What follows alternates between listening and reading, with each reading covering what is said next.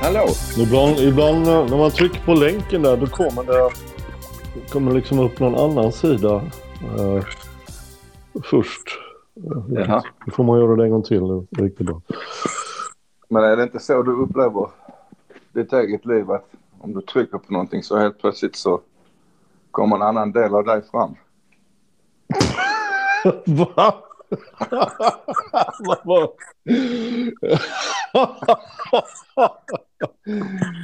Ja, det var lite plötsligt. plötsligt.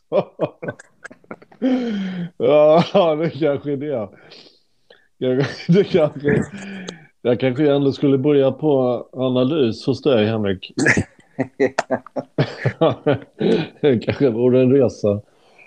Apropå eh, temat vi ska prata om gestaltterapi kan man ju härleda det till och, och den här uh, uråldriga tekniken tre stolar som både du och jag har fått eh, lära oss att använda.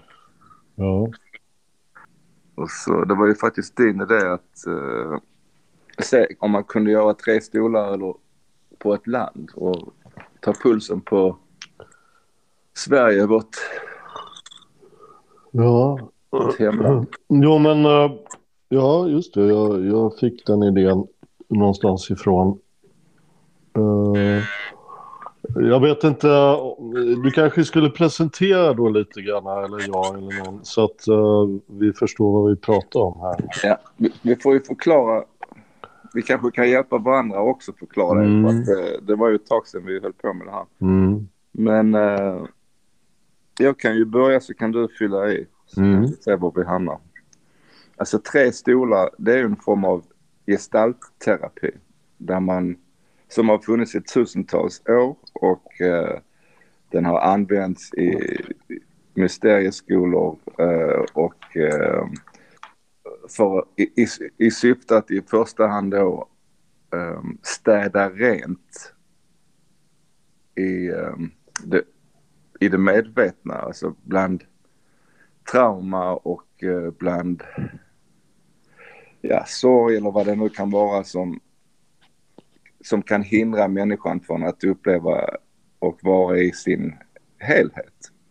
Mm. Alltså det, det är precis som man städar eh, sin lägenhet eller sitt hus eller dammsuger så, så kan man väl likna den här tekniken med eh, en form av eh, att man städar lite i det, i det dagsmedvetna. Det kan man säga. Eh, och man kan väl säga att det handlar om att få en självinsikt Just det. på ett eh, lite snabbare sätt än kanske då gå i terapi i 13 år.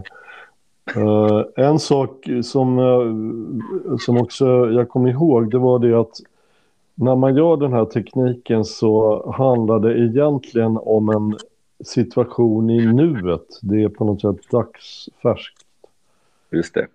problem eller att man har en fundering eller att man är låst i någonting. Om det är någonting som behöver lösas i, i nuet så kan man såklart använda den. Eh, och då är det, det är färskvara. Absolut. Men i alla fall, man kan ju, vad man gör då, vi kan bara berätta lite grann. eh, Det här, man arbetar ju då med tre gestalter som man har inom sig. Mm. Som benämns då aggressionen och kärleken och fruktan. Mm. Och det här är ju inte egentligen några, vad ska man säga, delpersonligheter som är i människan, utan de här tre gestalterna påverkar alla roller som vi har Mm. i oss. Så man kan ju kalla det för arketyper. Ja, det kan man göra. Men eh, ja, som du säger. Kärleken, aggressionen och fruktan. Det är ju de här tre arketyper eller grundförutsättningar för människan som man använder i den här tekniken. Eh, och eh, det handlar ju om, vi har, vi har sagt att det, vi kallar det för gestalter. Och så det är en form av gestaltterapi och, och jag menar i gestaltterapi som används av eh, psykoterapeuter och, och, så vidare så, så finns det ju vissa likheter. Eller syftet är ju liknande när man går hos en psykoterapeut och, och ska gestalta ett problem. Så, så finns det ju beröringspunkter i den här tekniken. Just det. Men ska vi förklara lite för... Vi har aggressionen, vi har kärleken och vi har fruktan. Mm. Uh, och när man gör en sån här, genomgår en sån här, ehm, ett sånt här samtal eh, med den här tekniken så behöver man ju vara två. Det behöver ju finnas en som leder samtalet med klienten eller ehm, personen, eh, människan då har det ju fungerat så genom tiderna att eh, man sätter upp tre stolar bredvid varandra och i mitten sitter kärleken. Mm. Till vänster om kärleken, från kärlekens sida ska vi säga då, sitter fruktan. Och till höger från kärlekens sida sitter aggressionen. Och för att förtydliga det så när, om då terapeuten eller samtalsledaren sitter framför de här tre stolarna så blir det ju så att fruktan hamnar till höger för honom. Mm. Och aggressionen till vänster. Sen när man börjar en sån här äh, då ett samtal, då har man ju också en stol som är, vad kan man säga, primärjagets stol, alltså den som man upplever sig vara, som står också framför. Och Nej, man, har, man har en vilostol. Ja, man har en vilostol också uh, vid sidan av de tre. Men man sätter sig ju först uh, själv på en stol där man ser de här tre stolarna framför sig. Exakt. Ja. Mm. Och det är så man börjar. Och sen kan ju handledaren till exempel fråga vem man vill börja med att beskriva. Och då fungerar det så att då ber man klienten då eller den som ska man har samtalet med helt enkelt att gå från den här stolen som sitter mitt emot och sätta sig på någon av de här tre. Mm. För att sen börja ett samtal då. Ja. Det intressanta är det här, eftersom jag har gjort det och du med flera gånger, va? det är ju det att det händer ju någonting då när man går från det här stolen där, där man kan säga ett primärjag sitter. Mm. Om man då sätter sig i kärlekens stol så händer någonting med en där och mm. när man väl börjar ett samtal så kommer en röst någonstans ifrån i en själv. Som börjar beskriva då. Man kanske frågar hur kärleken mår. Och sen så får man upp ett samtal där den här äh, kärleken beskriver sig själv oftast. Mm. Och för att göra det möjligt att, eller enklare att verkligen som du säger identifiera sig med de respektive arketyperna, kärleken, aggressionen och fruktan. Så innan klienten eller den man talar med eh, går, väljer att sätta sig på en av de här stolarna så har ju klienten fått i uppdrag av samtalsledaren att i detalj beskriva hur de här figurerna ser ut. Han, får mm. han eller hon får beskriva aggressionen, han får beskriva kärleken och får beskriva fruktan. Och det gör han från den stolen där, som du kallade för, där primärjaget sitter. Uh, och uh, och det, det hjälper ju klienten att visualisera uh, och även så småningom identifiera sig med respektive arketyp eller respektive stol. Ja, just det. Så det sker ju först va? och sen så väljer då Mm. klienten vilken stol han som lockar starkast och så går han eller hon och sätter sig på den och så börjar då ett, ett, eh, Samtal. ett samtal. Ja. Det förunderliga med det här också att efter ett tag när man har samtalat då med alla gestalter så eh, kan man ju också finna ut deras inbördes relation. Mm. Vilket är, kan vara väldigt förvånande då. Det där med att man benämner någonting som kärlek kan visa sig vara en förtryckare. Mm. Och, Ja, och eh, fruktan till exempel kan vara en fingertoppskänslighet. En, en lampa som lyser på vägen. Eh, Ett periskop som har uppsikt över och kanske försöker varna eller kan varna sina kollegor. Liksom. Just det.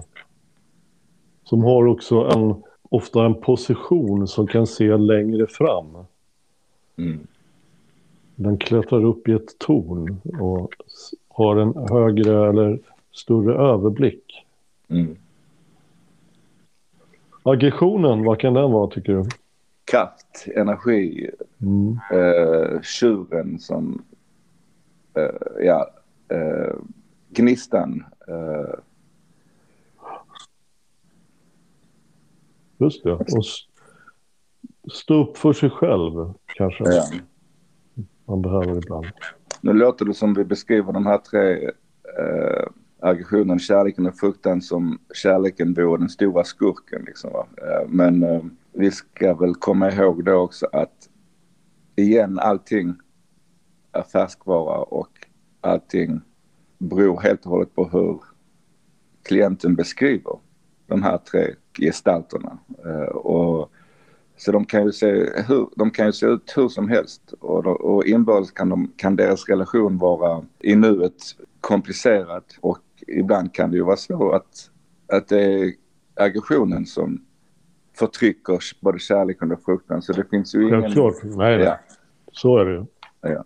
Men ofta så i det här samtalet efteråt då får man ju en klarare bild av eh, relationen och hur man också kanske fungerar. Man pratar ju om passivt aggression till exempel. mm, Det kan ju ofta utgå från kärleken mm, till exempel. Ja, Henrik. Man kan väl säga också att de här tre arketyperna, de, eh, det är ju en förenkling för att nå djupare in, djupare i människan. Eh, Så bakom varje stol så sitter där ju tre stolar till. Och bakom de tre stolarna sitter där ju nio stolar till och sen så fortsätter det så. Så att det är ju liksom toppen av isberget som man talar med för att om möjligt nå eh, det som finns under. Precis. Se spjutspetsen på ett Ja. samtal. Så är det. Vi vet ju, eftersom både du och jag har prövat den här tekniken i ganska många år så vet vi ju hur det känns efter man har varit i ett sånt här samtal. Och det är klart, det beror ju också väldigt mycket på fingertoppskänsligheten hos samtalsledaren och hur skicklig den är. Liksom. Och så beror det ju också på hur mycket man är beredd att visa själv. Eh, och ehm, i sådana här samtal är det ju viktigt att det är en väldigt trygg eh, ja, klinisk miljö och eh, det underlättar ju också för klienten att kunna ja, släppa taget och, och låta de här gestalterna få tala fritt. Och på så sätt så får ju också samtalsledaren en, en växande bild på vad det är för problematik som träder fram och kan på så sätt också eh, hjälpa till att få de här eh, gestalterna att berätta om sin inbördes relation och tala med varandra och eh, se vad de har för inre talanger och hur de bäst kan samarbeta och, men också om det är problematik belysa hur de inte samarbetar. Mm. Kontentan med det här är väl egentligen att de ska bli mer samarbetsvilliga, de här eh, rollerna i en själv. Mm. Så att inte någon dominerar över någon annan, utan att de är, finns i någon slags balans inom en. Sen kan vi ju nämna, det var ju en vilostol där också. Och det, det kan ju bli så ibland att eh, när man sitter där så kan det bli lite för tufft. Liksom. Det kommer upp saker eller man känner att man behöver vila helt enkelt just i nu-situationen. Och då kan man då sätta sig en liten stund på den här andra stolen som då inte är utgångsstolen som primärjaget satt på utan en stol i sidan av. Just det. Och sen så länge som man känner att man behöver och sen så går man tillbaka och fortsätter samtalet. Jag har ett lite komiskt minne från en sån här session som, där jag själv var samtalsledare och personen som satt på stolarna själv då ja, ganska upproriskt valde i protest att lämna kärlekens stol och sätta sig på vilostolen. Och det var efter att samtalet då hade kommit fram till att kärleken satt som en pompös, korpulent, evigt växande, maktinskränkt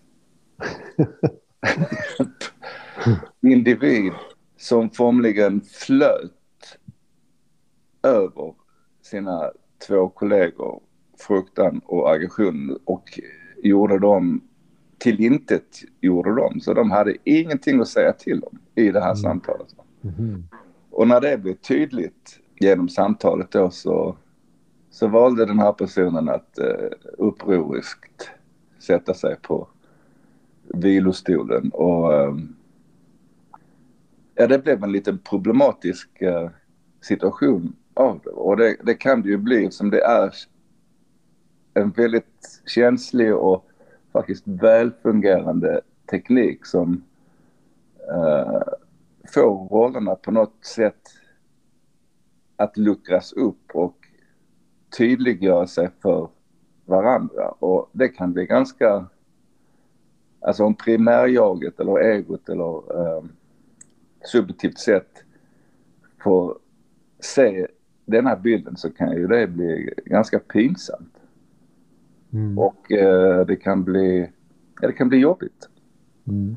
Men det är ju också det som är själva en del av syftet i det här att eh, när det finns roller som tar över fullständigt i vårt liv och förminskar övriga delar av vårt medvetande eller kanske styr det så, så kan det upplevas som eh, ja, problematiskt att, att se detta. Och det är därför igen det är så viktigt att man har någon form av förtroende för varandra i det här samtalet mellan samtalsledaren och eh, klienten. Har du något speciellt minne som... Ja, jag har väl flera minnen tror jag. Men jag, det var någon som jag också var samtalsledare till där hon fick någon slags klänging unge sådär, något barn som var väldigt besvärlig på kärlekens stol. En sån här treåring som var väldigt uh, världens centrum på något sätt. Mm.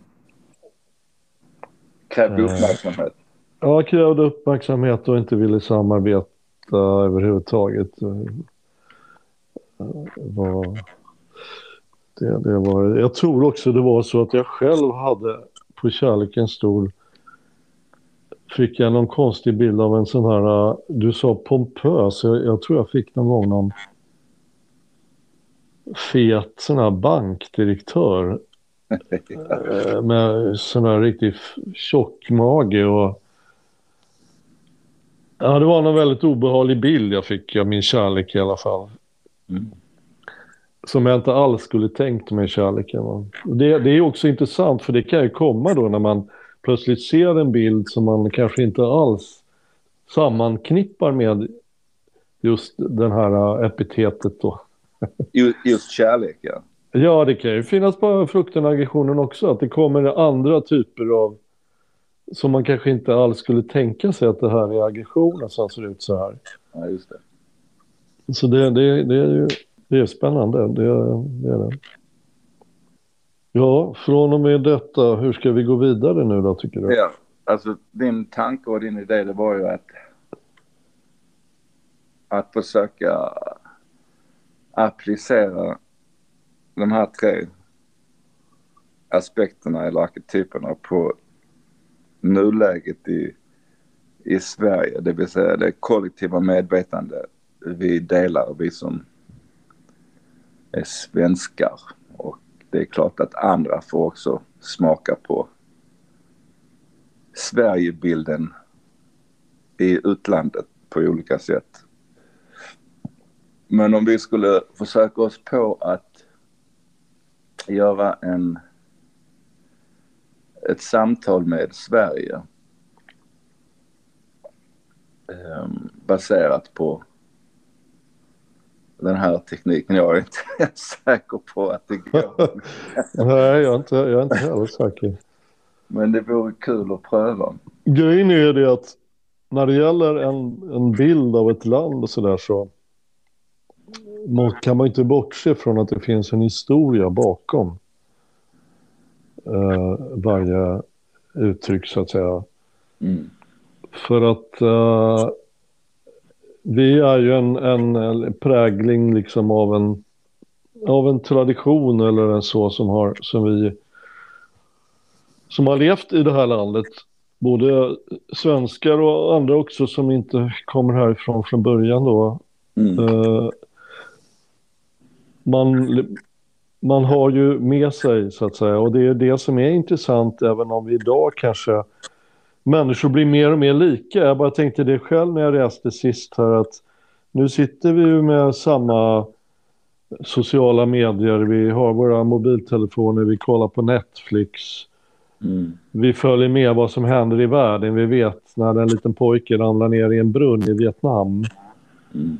Eh, att, vi har någonting väldigt globalt också idag som på positivt sätt tycker jag också någonstans. Mm. Där, där vi kommer närmare varandra på ett plan. Men sen när man börjar skrapa på ytan då, då börjar man ju märka att det finns ju vissa differenser fortfarande kvar. Va? Ja, det gör det ju. Och eh, ju hårdare prägling kanske man får från en uppväxt när det gäller religion och kultur och tradition och sådär. Desto svårare kanske det är att se och leva sig in i andra kulturer. Mm. Jag vet inte om det kan vara så, men eh, Det tror jag. Och eh, det behöver ju inte nödvändigtvis betyda att man inte för den sakens skull är nyfiken på andra kulturer som är väldigt lika sin egen. ja, eller olika. Nej, det håller jag med om. Klart, det har ingenting med, man kan absolut vara nyfiken. Men man kan ju också utifrån om någonting sker som det har skett nu i Sverige då med det här med koranbränningar och så, så kan man ju då helt enkelt, och det är ju helt klart att vi gör det också, tolka det här och reagera på ett väldigt, eh, eller på, eh, på, man, agerar på olika sätt Mm utifrån det som man har med sig. Mm. Men om du skulle vara Sverige och eh, sätta dig på fruktans stol. Vad är det första som flyter upp i moder Sveas medvetande?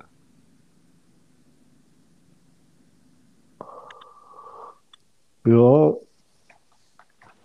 Uh, alltså det första som kommer till mig faktiskt det är våran självbild och hur, den, hur ängsliga vi är att, uh, att den på något sätt ruckas. Därför att jag tror att många svenskar, och det är på grund av att vi är till exempel ett oerhört export vi, vi, är ju beroende av vår export i hög grad. Vi är ju en industrination. Vi, har ju byggt upp vår välfärd utifrån eh, det som vi har som uppfinningar och annat som har innovationer som svenskar har producerat så att säga. Mm. Och då är vi väldigt ängsliga tror jag också det här med att se att om vi gör någonting då som eh, så kan vi inte riktigt ta det som någonting att eh, Nej, men att vi framförallt så att säga att vi har då en självbild, att, som vissa skulle säga självgod självbild. Därför att vi har varit på något sätt det moraliska samvetet i världen. Vi har ställt upp för förtryckta människor. Vi har en tradition eh, att göra det. Uh, kanske rätt tidigt i vår 1900-talshistoria. Vi, vi hjälpte ju folk från judar redan under andra världskriget att komma hit. Mm. Och eh, sen har det fortsatt. Vi var väldigt emot USAs krig i Vietnam. Vi tog chilenska flyktingar från diktaturens Chile. Vi, vi har ju varit någonstans ett land som har ställt upp för förtryckta människor, för människor som är orättfärdigt behandlade så Sveriges röst i världen för många människor har ju varit att stå på de svaga sidan. Mm. Och därigenom så har vi också fått många människor som också har kommit hit, så att säga, som, som har varit förtryckta i deras egna länder. Som nu om man tänker kurderna som mm. då är rätt många i Sverige och, och andra grupper då. Mm. Men så sker ändå någonting här nu som gör att de här sista kampanjerna till exempel med att Sverige kidnappar muslimska barn och sätter dem i kristna familjer eller hos några regnbågsfamiljer. Eller... Mm. Och sen det här sista nu då med att yttrandefriheten står emot respekt för religiösa urkunder. Mm. Så det fruktan där tror jag att nu är vi lite skakiga därför att vi inte är vana vid att få den här kritiken. Utan snarare är vi vana vid att ta till oss eh, god eh, kritik liksom eller att vi, vi ställer upp och vi talar, vi har världens, alltså de förtrycktas röst talar vi. För liksom i världen. Det, det, det, nog det som kommer upp först. Mm. Jag minns att för inte så hemskt länge sedan, med tanke på detta är ju Moder Svea som talar som färskvara i nuläget om hur Sverigebilden är. Och då är ju Moder Svea väldigt angelägen om att, att tillrättalägga på något sätt. Det finns ett behov av att tillrättalägga och återskapa den Sverigebilden som hon har lyckats bygga upp världen över under väldigt många år och varit ett neutralt land och inte haft krig på, vad är det, 200 år och uh, jag har varit neutrala inom citationstecken kanske man ska säga då. Ja.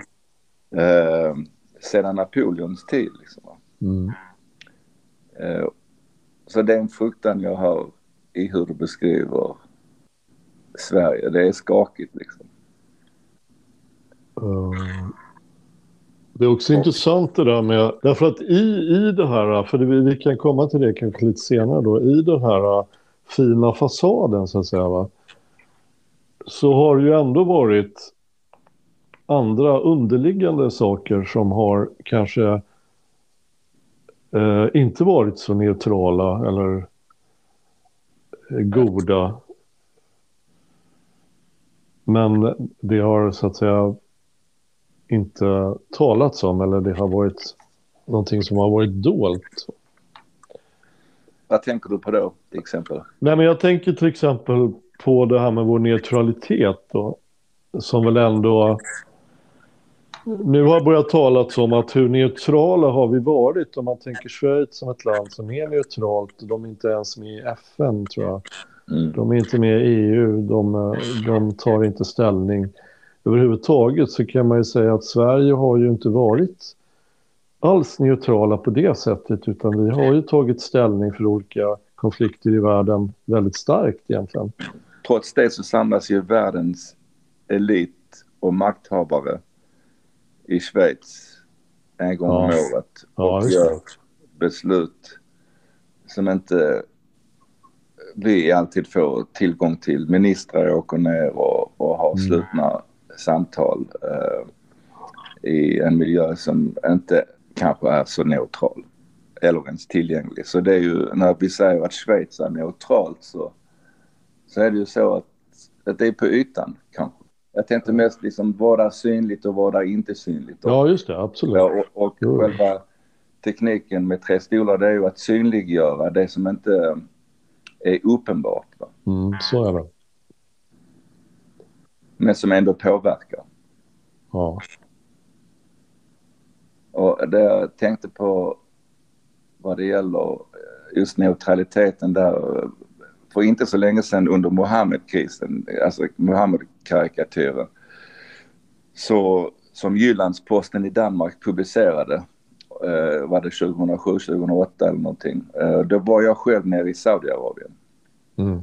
Och befann mig i en miljö där, ja dels hade jag ju en hel del alltså diplomatiska kontakter. Vi byggde ju ett projekt där nere som var omskrivet och ja, det förringades av svensk media och det eh, var en, en hel del eh, som tyckte och tänkte om, om, om det. Liksom. Och, och då befann jag mig i, i en eh, miljö där jag hade nära tillgång till, eh, till makten, eh, inte bara i Saudiarabien på högsta nivå men jag såg ju hur, hur svårt det var för Danmark att eh, att i direkt anslutning till den här uh, krisen då uh, fortsätta exportera sina varor. För det blev ju, man, uh, i hela den muslimska världen så blev det ju ett uppror och man slutade importera ja, danskt smör och allt vad det nu var. Mm. Liksom. Och det var så det var en, en, en, kris och där, så var det ju inte alls för Sverige då. Liksom. då och det var ju inte så hemskt länge sedan. Då minns jag att um, ja, grannländer och andra såg lite avundsjukt på den här, vid det tillfället, fungerande Sverigebilden i utlandet. För den stod väldigt starkt i det skedet. Då var man inte, då var inte Moder Svea så lika rädd som konungariket Danmark. Ja. Nej, men nu har vi väl hamnat på samma nivå kanske. Som ja. Danmark. Men vad skulle du säga om du, om du sitter där på fruktans stol som moder Svea och du tittar dig lite grann, tittar på dina kollegor, arketyper för moder Svea. Du har kärleken precis till höger om dig och till höger om kärleken sitter aggressionen. Skulle du, är det någon av de här stolarna som du känner du skulle som lockar dig? Ja, nej, men vi kan pröva, vi kan pröva kärleken då. Ja. Då vill jag att du, moder Svea, stiger upp från fruktans stol och sätter dig på kärlekens stol. och känner in vad som kommer fram. Vad bubblar upp till ytan? Hur står det till idag? För kärleken hos moder Svea.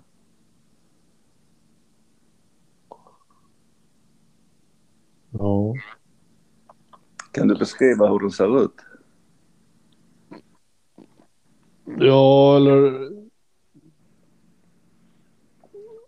Alltså vi... När jag ser, när jag ser eh, kärleken i Sverige, då, då ser jag någonstans det här med svensk sommar och sol och någon kanske lite grusväg och eh, prästkragar i dikesgrenen och dikesrenen heter det. dikesgrenen. Dikesrenen.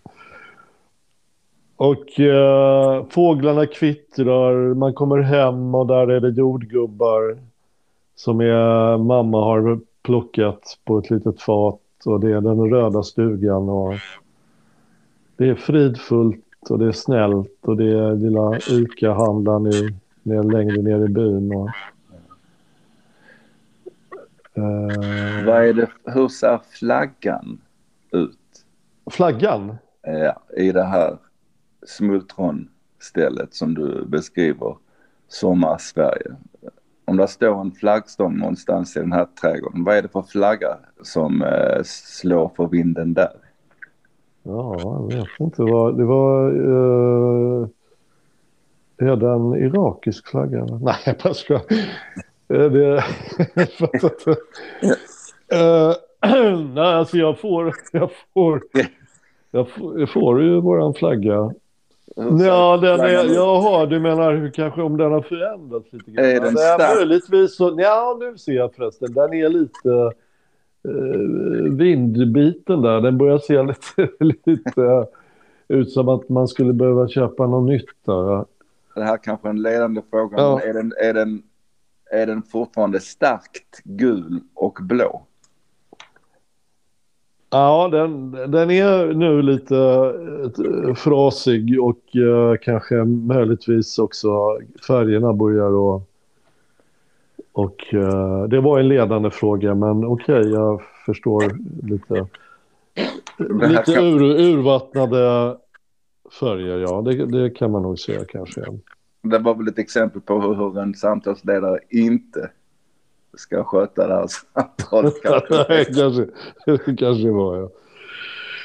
Ja, nej, men uh, i alla fall så uh, kärleken, det, det är ett, uh, också en, en sån här, nu är jag ju äldre än vad du är Henrik, men det var ju det var ju lite Sörgården då när 60-talet, när jag växte upp och var liten.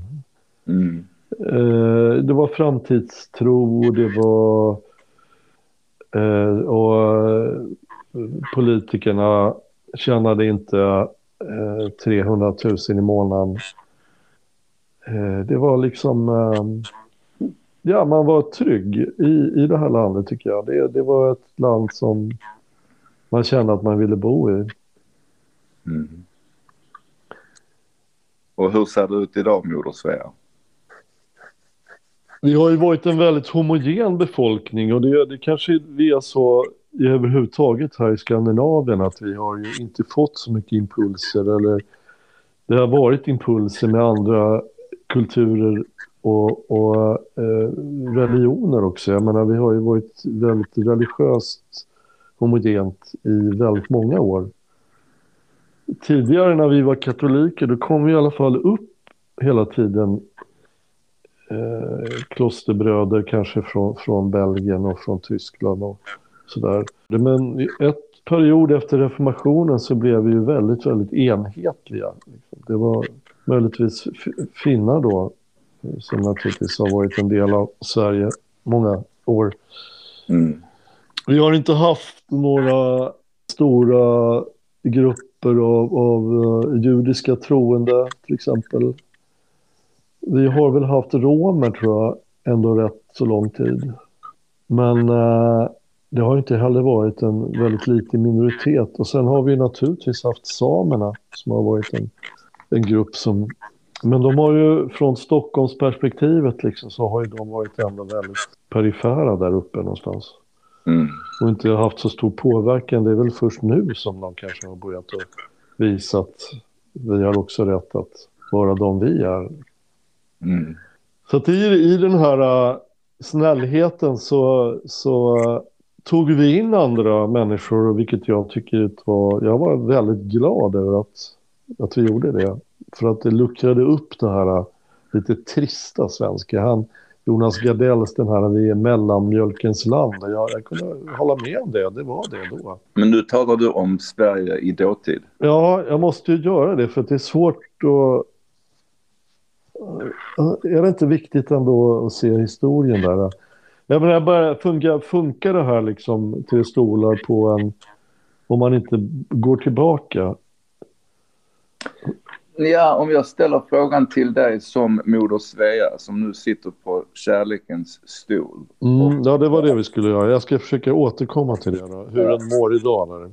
Så är det ju en färskvara och så frågar jag som samtalsledare då, Ja. Svea. Ja. Hur står det till med kärleken idag och hur Mm. ser den ut? Mm. Idag så, så tycker jag, jag, jag, jag vet inte, det, den känns, för det första tror jag att den, den är, har tappat eh, lite grann av sin säkra, eh, vad ska man säga, position. Den famlar lite och är lite tagen på sängen tror jag. Mm. Den eh, vet inte riktigt hur den ska, den ska förmedla sig utåt. Eh, jag tror att den är snarare lite, vad heter det, skadeskjuten. Mm. Jag tror att det kan vara att självbilden som kärleken har haft håller inte längre. Det är på något sätt verkligheten som har trängt in och nu är det liksom ett faktum. Nu står man med verkligheten framför nosen. Och den här verkligheten är ju visar sig inte vara så enkel som vi har trott att, att världen fungerar kanske. Mm. Utan vi, vi har trott att det som vi står för och har stått för i det här landet, det är liksom någonting som egentligen alla människor skulle tycka var väldigt bra. Sverige är fantastiskt. Sverige är fantastiskt och våra idéer och vårt sätt att leva och våra, våra, vårt sekulariserade syn på saker och ting är någonting som egentligen alla skulle ta till sig för då skulle världen mår mycket, mycket bättre. Så att kärleken är nog lite ja, tagen på sängen kanske över att, att folk inte förstår vad, hur fin och, och liksom ädel den här är då. Mm. Men om kärleken då vänder blicken till höger om sig där aggressionen sitter. Vad säger då aggressionen om just detta? Bubblade upp någon aggression från den platsen som du kan se där du sitter på kärlekens stol? Eh, jag tror att, att det är en del människor som är uppvuxna i den här uh, snälla, fantastiska Sverige som börjar att lite se igenom det där. Mhm. Då kanske vi ska höra vad aggressionen själv har att säga om detta. Så om jag får be dig att lämna kärlekens stol och sätta dig på plats till höger om dig på aggressionens stol så får vi höra om vi kan prata lite med, med den figuren. här kommer lite grann upp faktiskt direkt att det finns en frustration i aggressionen. Mm. Ja, det finns en frustration därför att i det här landet som vi kallar Sverige så, så är det så att vi har så att säga valt att tala med en tunga så att säga. Vi har liksom inte haft någon inre dialog oftast. Utan de flesta opinionsbildare, de flesta har gått med i den här snällhetens spår så att säga. Och inte gjort, eller inte haft någon dialog som skulle kunna berika och föra fram andra typer av åsikter. Va? Och det, det är där som aggressionen känns sig frustrerad. För just i den här, när vi då blir attackerade med en totalt annan syn på vad världen kan vara utifrån så har vi inte riktigt förmåga att förstå att man kan ha och också helt enkelt någon slags eh, förståelse att man kan tänka på ett annat sätt. Och då har vi inte riktigt i vårat lilla mellanmjölkens land, eh, vi är inte bra på att stå upp för kanske det som vi står för själva därför att, eller att, att debattera eller utan att vi blir sårade eller kränkta liksom. Mm. Nej, men man kan, man kan ju se också den här debatten som har varit senaste åren, det här med man säger PK-varianten då.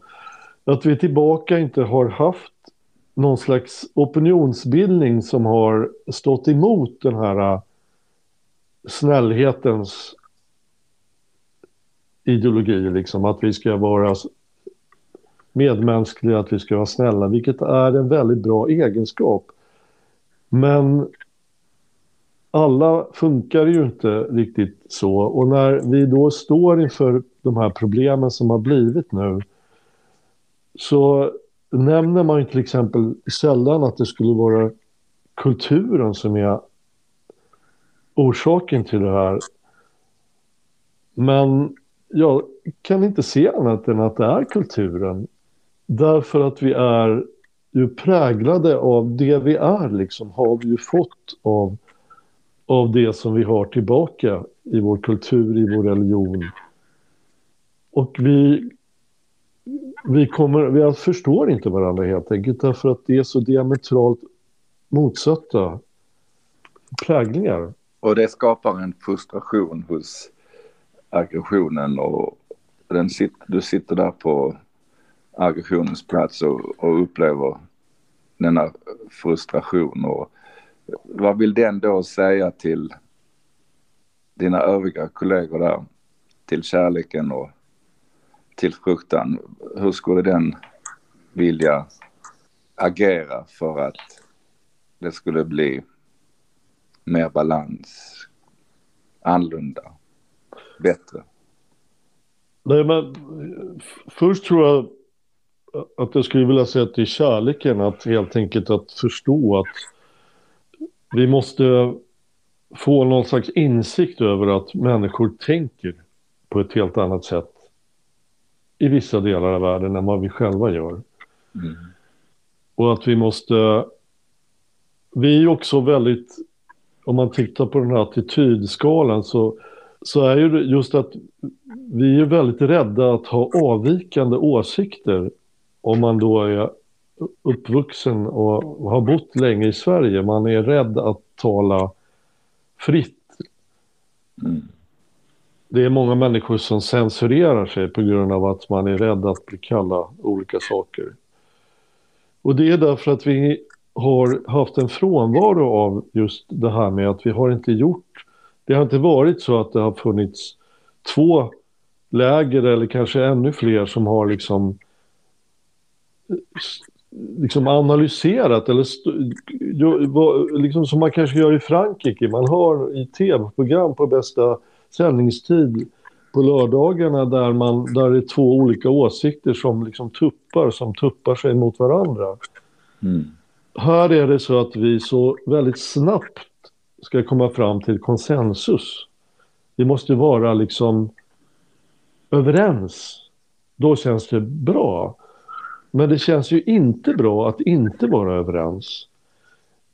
Men just det där med att man inte riktigt kan acceptera då. Utan man, man blandar ihop person med åsikter. Va? Vi, alltså jag, jag, tror att vi måste börja och lära oss helt enkelt att stå upp för oss själva och det vi känner är viktigt för oss. Men inte att vi behöver fördöma den här människan för det. Utan att man framför allt måste prata med varandra. Får jag fråga dig då, aggression. Skulle det, kanske ännu en ledande fråga, men eh, skulle då aggressionen säga till kärleken och till fruktan att även från diplomatins sida bör man stå upp och vara rak och tydlig för vad Sverigebilden är i sin, i den verklighet vi befinner oss idag. Kan diplomatin tjäna på att faktiskt vara ärlig? Jo, fast å andra sidan kan man säga så här att eh, för jag fick en annan tanke nu också här att om man, om man säger att det är en någon som är så att säga väldigt aggressiv och, och eh, då har en retorik som är glödande och, och så, så, så kanske det också är bra att bemöta det där lågaffektivt. Mm. För att det kanske är någonting som är gott här i, i, i Skandinavien så att vi ändå inte har det här att man eh, söker hämnd eller att man öga för öga, tand för tand på en gång. Liksom. Mm. Utan man lågaffektivt kan liksom... Och då handlar det också på ett sätt om ett, om man säger att man har ett väldigt stort ego som man måste försvara hela tiden. Mm. Och säga att jag går upp i strid liksom för att det här ska, nu ska jag hämnas. Nu så, va? Alltså på, den, på det sättet tycker jag att den tiden är förbi faktiskt. Så aggressionen vill inte gå upp till strid? Nej. Den rekommenderar snarare kärleken och fruktan att, att ha ett lågaffektivt bemötande och lågaffektiv eh, retorik. Men vad händer då med ärligheten? Bejakar man då den frustration och den aggression som fruktan har redan sagt växer. Ja, alltså inbördes så kan de här gestalterna, vi, vi kan ju ha en, man ska inte censurera någonting, man ska inte behöva göra det. Mm. För att man är rädd för att eh, bli utsatt för någonting. Mm. Utan där måste vi ju alla bli tror jag, svenskar överhuvudtaget överlag liksom stå upp för det vi tror på på ett annat sätt. Mm. Det, det kan ju andra nationer göra. De är inte rädda i Frankrike eller någon annanstans att tala ut liksom. Men för den skull så måste man ju se att bakom den där så är vi ju alla eh, människor liksom som vandrar här på en planet. Och vi hör samman. Och uh, det, det är väl också kanske i framtiden om man tänker att om vi nu skulle få en bättre, bättre jord eller bättre mänsklighet så att säga så då kanske det är sådana saker som att man kanske inte ska, man ska kanske sluta att värdera vad som är rätt och fel hela tiden. Mm.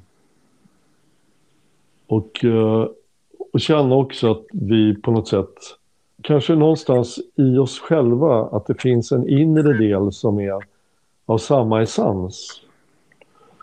Och jag, jag, känner också, även om jag har full respekt för det här med att man blir, det som har hänt nu, som muslimer reagerar för, så kan jag också känna det att jag önskar en värld i framtiden utan religion. Mm. Därför att man kan se ändå hur religion saboterar. Mm. Och gör oss också att vi hela tiden kommer längre och längre ifrån varandra istället mm. för att känna att vi hör samman. Står det inte någon, något uttalande av i Nya Testamentet, den gå in i din kammare och utöva din religion där. Ja, man ska gå in i sin kammare att, att be till, ja. till Gud i, i, i det tysta va? I det tysta, ja. Och då Men... blir det ju någonting väldigt privat som inte, som inte skapar konflikt. Nej. Men får jag fråga dig aggressionen där du sitter. Hur skulle du välja att hantera den här krisen där vi har en utrikesminister som väljer att starkt fördöma eh, att man bränner Koranen i hårda ordalag. Men samtidigt viker sig diplomatiskt inom citationstecken för den starka kritik som ju bär religionens förtecken helt klart.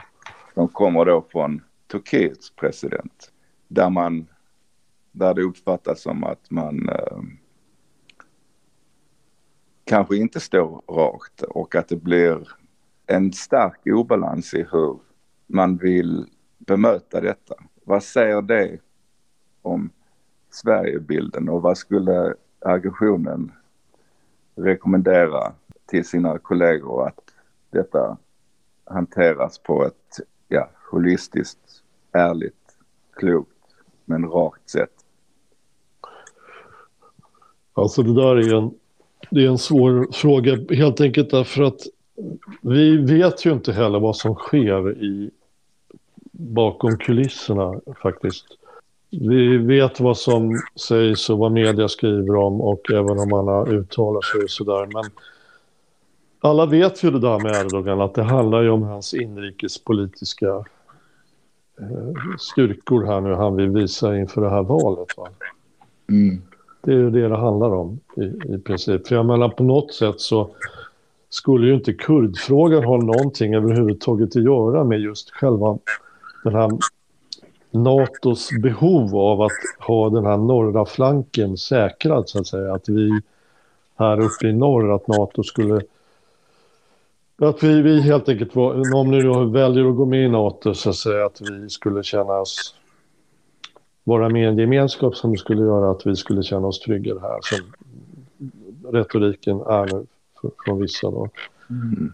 Det har ju inte egentligen någonting med militären att göra det han håller på med, det har ju att göra med någonting helt annat. Det militära. Så det är bara utpressning för att han ska få inrikespolitiska fördelar, men även utrikespolitiska. Jag menar köpa det här amerikanska planet då. Mm. att vi ska börja sälja vapen till honom också. Och, så och hur bör då aggressionen för Moder Svea bemöta detta? Nej, men alltså, jag, jag, tycker att han kan inte göra på något annat sätt än vad han gjorde. Jag måste försvara honom där. För jag menar samtidigt så är det ju det att... Alltså jag, jag tycker man, man måste ha en respekt för att de, man måste ta vissa människor på den... Där de är så att säga. Va? Man kan inte förändra människors attityder genom bara en sekund utan det, tar, det är en lång process. Va? Och jag menar då får man ju, man får ju respektera att människor reagerar.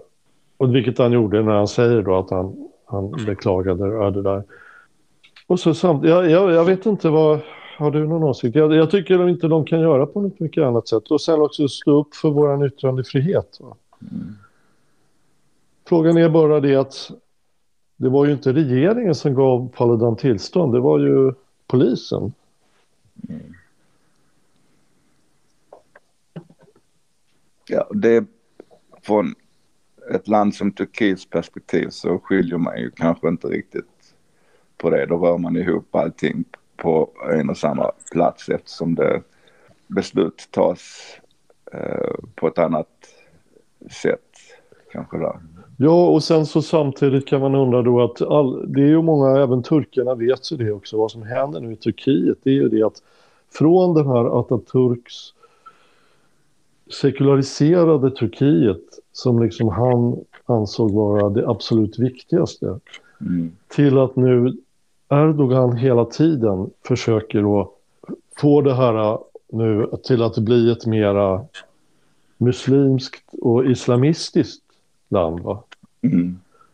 Och jag menar, skulle de ha fri möjlighet att fritt protestera, kunna protestera i Turkiet, liksom vi skulle ha en fri yttrandefrihet och respektera mänskliga fri och rättigheter. Ja, men vad skulle hända då i Turkiet? Mm. Naturligtvis skulle det bli massvis med protester va? Mm. mot Erdogan. Mm. Men nu är det ingen som vågar göra det.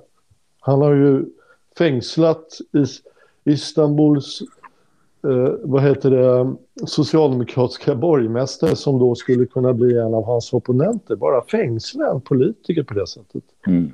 Alltså då är man ju inte en demokrati längre. Nej. Är det då Men... klokare och är det då, skulle det hjälpa eller skälpa Sverigebilden som vi värnar om och som vi känner är skakig? Vad skulle hända med Sverigebilden om det officiella uttalandet från diplomatin, det vill säga utrikesministerposten, om den istället skulle uttrycka sig som en partiledare gjorde att eh, ja, vi värnar om den svenska yttrandefriheten och det är en eh, islamistisk diktator som är upprörd. Tala klartext alltså. Hur skulle det, om den officiella bilden skulle låta så? Det är ju inte bara Sverige det här berör, det är ju även Finland. Då, eftersom att vi har sagt att vi ska gå in samtidigt. Så att jag, jag tycker en sån retorik, för jag kan känna lite grann så här också, om, han, om de nu godkänner oss eh, till slut, så vad kommer hända efteråt? Jag menar, då kan vi ju spy all världens skalla över honom. Mm. Och, och det han står för. Men jag menar, provokationerna verkar ju inte underlätta. Utan det är ju det här med att just den typen av och ledare som han är, som är så en otroligt lätt, lättkränkt. Som han har ju bevisat det tidigare också, det här är ingenting nytt. Han har ju den personligheten helt enkelt. Vilket bidrar ju inte till att det går liksom snabbare. Och jag menar, det är en rädsla hos honom själv naturligtvis. Han, han klarar inte av att bli kritiserad därför att då så, ja helt enkelt så kommer ju saker och ting upp i dagen som han absolut inte vill. Mm. Att så jag, jag tycker inte att det var att man ska, aggressionen vill inte, vill vänta i så fall. ligga på ligga på spår. Lätt, uh, den, den, ska vara, uh, vad, vad heter det nu igen, när man är lågaffektiv. Mm. Än så länge. Sen efteråt kan vi köra på krutet. Mm. Men om jag då vänder aggressionens minne tillbaka till vad faktiskt fruktan sa tidigare. Där fruktan, fruktan nämnde att um, det bästa som kunde hända är om alla religioner upphör. Och som jag tolkar det går upp i ett. I en religion som kanske då...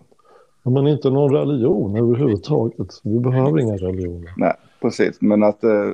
Vi har kärleken i vårt hjärta. Ja. Det, det, är kärleken som ska vara i så fall. Men... Medmänsklighet. Men om du vänder blicken eller minnet tillbaka till vad kärleken sa om hur religionen skapar problem och ställer människor mot varandra och att de i bästa fall alla borde upphöra för att kärleken verkligen skulle bli fri. Vad skulle då aggressionen säga till kärleken? Skulle det bidra till ett framtida bättre medmänskligt samhälle där inte folkslag står emot varandra om man faktiskt idag talar klartext om vad det är som påverkar. Vad känner aggressionen inför det uttalandet då om att den här partiledaren då sa, talade klartext. Det är en islamistisk diktator. Jo, men återigen det där med att ha epitet sådär, man utgår ju från sig själv och sin egen världsbild. Va? Jag menar, någon säger att han är en islamistisk diktator, någon annan säger att han är Guds sändebud. Mm. Det leder ju inte någonstans. Det blir ju bara att om någon säger något skarpt så säger något, någon annan blir provocerad och säger, säger något annat mot. Så att jag, jag jag vet inte riktigt vad det ska leda till. Mm. Men, men, naturligtvis så, för att jag menar vad jag pratade om tidigare, eller vem det var nu, var det eh, fruk, eller aggressionen, det här med att man ska stå upp för vad man tror på, vad man tycker. Det gör man ju, men också ska man ju alltid ha en respektfull, respektfull dialog. Mm. Det är också som att vi i vårt land, när vi, som jag sa, censurerar för att vi inte har vågat. Och det är ju ingen bra egenskap i ett land. Eh, men så är det ju även i de här andra länderna. Så är det ju också i Turkiet. Va? Och då säger vi att vi har yttrandefrihet. Men det är väl många som kanske skulle ha sagt att ja, vi har yttrandefrihet men det är på bekostnad av att man får, alltså kanske blir obekväm på olika sätt och cancellerad och allt möjligt. Det gjordes ett mindre lyckat försök där pendeln svängde hårt åt det ena hållet med att lägga fram en feministisk utrikespolitik i ett av, ja, ett, ett land i närområdet. Där den dåvarande ambassadören som då ska följa det som är beslutat i Stockholm om en feministisk utrikespolitik fick uppleva någonting helt annat än det som var väntat, tror jag. Eh, där man faktiskt fick se tydliga resultat av att eh, det här passar inte här. Mm. Det blev ett massivt motstånd där företrädare för detta landet inte bara kände sig kränkta och men eh, också som du säger upplevde det som ett, eh, ett, ett övertramp och eh, inte på något sätt diplomatiskt. Mm. Och det hör ju också ihop på något sätt med vad vi vill att Sverigebilden ska vara och hur, hur vi känner att den kanske är skadad. Och då kanske man behöver vända blicken inåt och förstå bättre vad en ömsesidig respektfull dialog kan ge. Och mm. kanske är det först då man kan komma bakom det som håller oss isär som kultur och som människor där religionen spelar den stora rollen för att se bättre vad det är vi har gemensamt. Mm. Ja.